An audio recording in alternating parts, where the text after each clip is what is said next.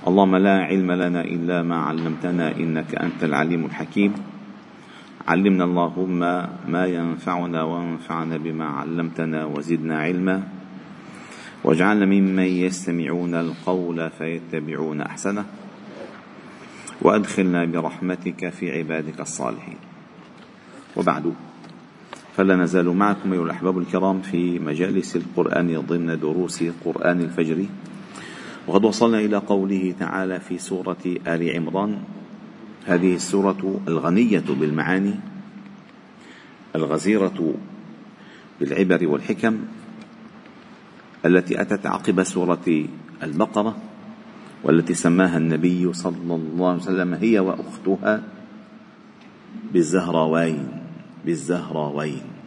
وصلنا إلى قوله تعالى ولتكن منكم أمة يدعون إلى الخير ويأمرون بالمعروف وينهون عن المنكر وأولئك هم المفلحون. هذه الآية آية تدل على وظيفة هذه الأمة. فالله جل جلاله قال بصيغة الأمر ولتكن ولتكن منكم أمة. أي كونوا أمة هذه أوصافها. كونوا أمة هذه أوصافها. أو على قول من قال أن منكم للتبعيض أي لتكن منكم جماعة تحفظ عليكم دينكم بأمرها بالمعروف والنهي عن المنكر. وعلى كلا المعنيين الكل يتمنى أن يكون من هذه الأمة التي هذه أوصافها. والله جل جلاله عندما قال ولتكن منكم أمة يدعون إلى الخير والدعوة إلى الخير دعوة تصلح لكل الناس أي تصلح للمسلمين وغير المسلمين. فالخير لا يعرف حدودا الخير لا يعرف حدودا. أحيانا الإنسان يعمل يعمل الخير مع جذع شوك في شجرة أو مع إماطة أذى في الطريق. هذا كله خير. أو إغاثة ملهوف ولو كان غير مسلم. هذه كلها خير. فبما أن الله تعالى قال يدعون إلى الخير أي إلى مطلق الخير. أينما كان تجد هذه الأمة تدعو الناس لصلاح دينها ودنياها معا. أي لما يعود فيه خيرها. سواء بتقلي للدعاة الدعاة فقط. وظيفتهم ينبغي أن تكون أن نصلي ما صلي واعطيك الربا وكذا لا لا هذه من من وظائفهم. من وظائفهم. ولكن آه حق لكم مثل بسيط. إماطة الأذى عن الطريق. فرق بين الاثنتين. فرق بين الاثنتين. إنسان ماشي مثلا وما شاء الله مرب ربى لحية. شو عمل؟ مربى لحية. ولابس عبية وطالع من صلاة الفجر. وين طالع؟ من صلاة الفجر. طلع كزر مع شو اسمه حنسميه خلص شربوا فنجان قهوة. قهوة خلص قهوة بالسيارة بعد الطريق هذا عمل مخالفة ولا ما عمل مخالفة؟ مخالفة كبيرة. كبيرة كثير.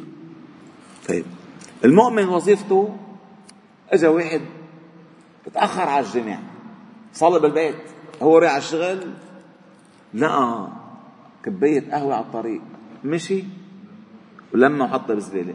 هذا قام بالمهمة تبعت الأمة. اللي شال الأذى عن الطريق هو الذي قام بالمهمة التي منوطة بالأمة. وهديك خالف. هديك خالف. ولا ولا له لحية. ما المقصود باللحية؟ إنه خلاص صار عنده لحية صار على الجنة. اللحية أن تقوم بحقها عليك. فهديك كبة فنقض وصف الأمة. وهديك لما قام بهم بمهمة الأمة. مع أنه منه صلاة ولا زكاة ولا بس الأذى عن الطريق. لا ينبغي أن يكون. والأذى شيء الأذى عن الطريق ينتفع به كل الناس ما بس المسلمين. فإذا هذه من دعوة الخير. لذلك النبي صلى الله عليه وسلم عندما قال الإيمان بضع وسبعون شعبة. أعلاها لا إله إلا الله وأدناها إماطة الأذى عن الطريق. والحياء شعبة من شعب الإيمان. فإذا الدعوة للخير دعوة لا لا تقف عند المسلمين إنما تكون للناس جميعا إلى الخير. ادعو إلى الخير. نعم للأمة ينبغي أن يكون آه، للأمة رأي في الطقس يعني عدم ثقب الأوزون لأن الله تعالى يقول في القرآن ومن الناس من يعجبك قوله في الحياة الدنيا ويشهد الله على ما في قلبه وهو ولد الخصام وإذا تولى سعى في الأرض ليفسد فيها ويهلك الحرث والنسل. نعم للأمة ينبغي أن يكون رأي في موضوع الزرع أنه آه، تجنب الأسمدة التي تضر بالزرع تجنب المبيدات التي تضر بالزرع. المبيدات بيظنوها أنه مثلا بترشوها منشان أنه ما يجي الحشرات ولكن أضعاف أضعاف أضعاف أضعاف الاذى يلحق بالنبتة من جراء هذه المبيدات. وكذلك أضعاف أضعاف أضعاف الفساد الذي يلحق بالتربة من جراء هذه الأسمدة. الأسمدة. لذلك للإسلامية رأي في كل شيء بما أنه في خير للناس. لأنه في خير للناس.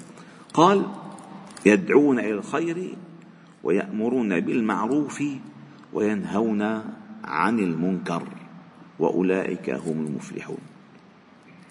والنبي صلى الله عليه وسلم علم هذه الأمة بقوله من رأى منكم منكرا فليغيره بيده فإن لم يستطع فبلسانه فإن لم يستطع فبقلبه وذلك أدنى منازل الإيمان. يعني بطبعه الإنسان بطبعه لا يمكن أن يرى منكرا. فإن كانت عنده الصلاحية بالتغيير باليد فليبادر. ما عنده فليذكر. فليذكر. ما استطاع في ظرف معين فلا يجعل قلبه يقبل ذلك. نشوف فيها وإذا العالم روح على البحور. هو ما بيروح على البحر بس تنكر ذلك. ينبغي أن تنكر ذلك في قلبك. وإلا إذا ما أنكرت ذلك بقلبك ما عندك شيء من الإيمان. وذلك أدنى مراتب الإيمان. إن لا يمكن أن يوجد أن ينعدم قلب مؤمن من ذلك. ثم وقال النبي صلى الله عليه وسلم والذي نفسي بيده لتأمرن بالمعروف ولتنهون عن المنكر. أو ليوشكن الله أن يبعث عليكم عذابا من عنده ثم لتدعنه لتدعنه أي تدعونه فلا يستجاب له. يعني الحصن الحصين للأمة الأمر بالمعروف والنهي عن المنكر. إذا تخلت هذه الأمة عن هذه الوظيفة فقد سلبت خيريتها. لم تكن لم تكن بعد خير أمة. فخير الأمة في دعوة إلى الخير بإقامة هذا الحد أو هذا الركن هذه الشعيرة. الأمر بالمعروف والنهي عن المنكر. وقال أبو بكر الصديق اللهم ارضى عنه يا أيها الناس إنكم تقرؤون هذه الآية على غير ما نزلت. يا أيها الذين آمنوا عليكم أنفسكم لا يضركم من ضل إذا اهتديتم. إيش صار بالعالم ده؟ الحياة الحياة. وصل على البيت يصطفلوا يصطفلوا لا.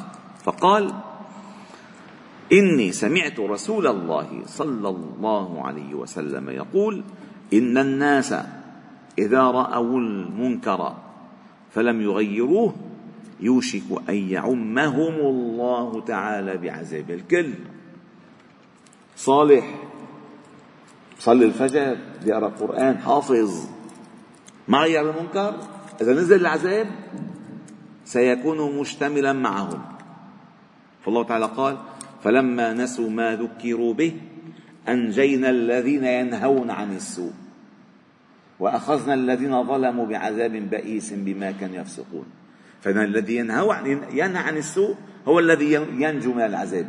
أما الذي لا ينهى عن السوء لا ينجو من العذاب. لذلك ورد في بعض الآثار ذكر الإمام ابن رجب الحنبلي في جامع نور الحكم قال أراد الله تعالى أن ينزل, ينزل عذابا على قرية.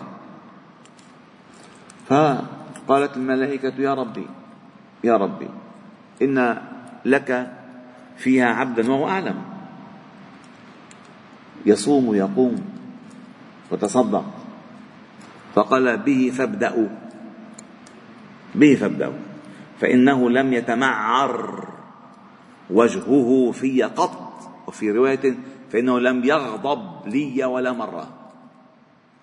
بل شو فيه لأن روتين قد يكون تعود على العبادة.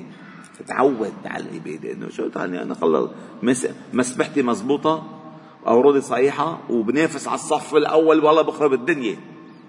بس إذا شاف الصف الأول بالدنيا للكفار ما دخلني أنا أخي. أنا ما دخلني. لك الصف الأول بكل شيء ينبغي أن تكون الصف الأول. في كل شيء أن تنافس على الصف الأول أن تكون مقدما في كل شيء. فإذا قال أو يوشك أن يعني ينزل الله عذابا يعمه حتى يأتي على الكل.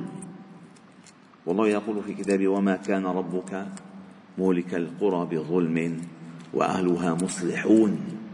لم يقل صالحون إنما قال مصلحون. فالإصلاح هو الذي يقي الأمة من نزول العذاب. أسأل الله عز وجل أن يوفقني وإياكم لما فيه رضاه. الحمد لله رب العالمين. سبحانه وبحمدك نشهد أن لا إله إلا أنت. نستغفرك ونتوب إليك. صل وسلم وبارك على محمد وعلى آله وأصحابه أجمعين. الحمد لله رب العالمين.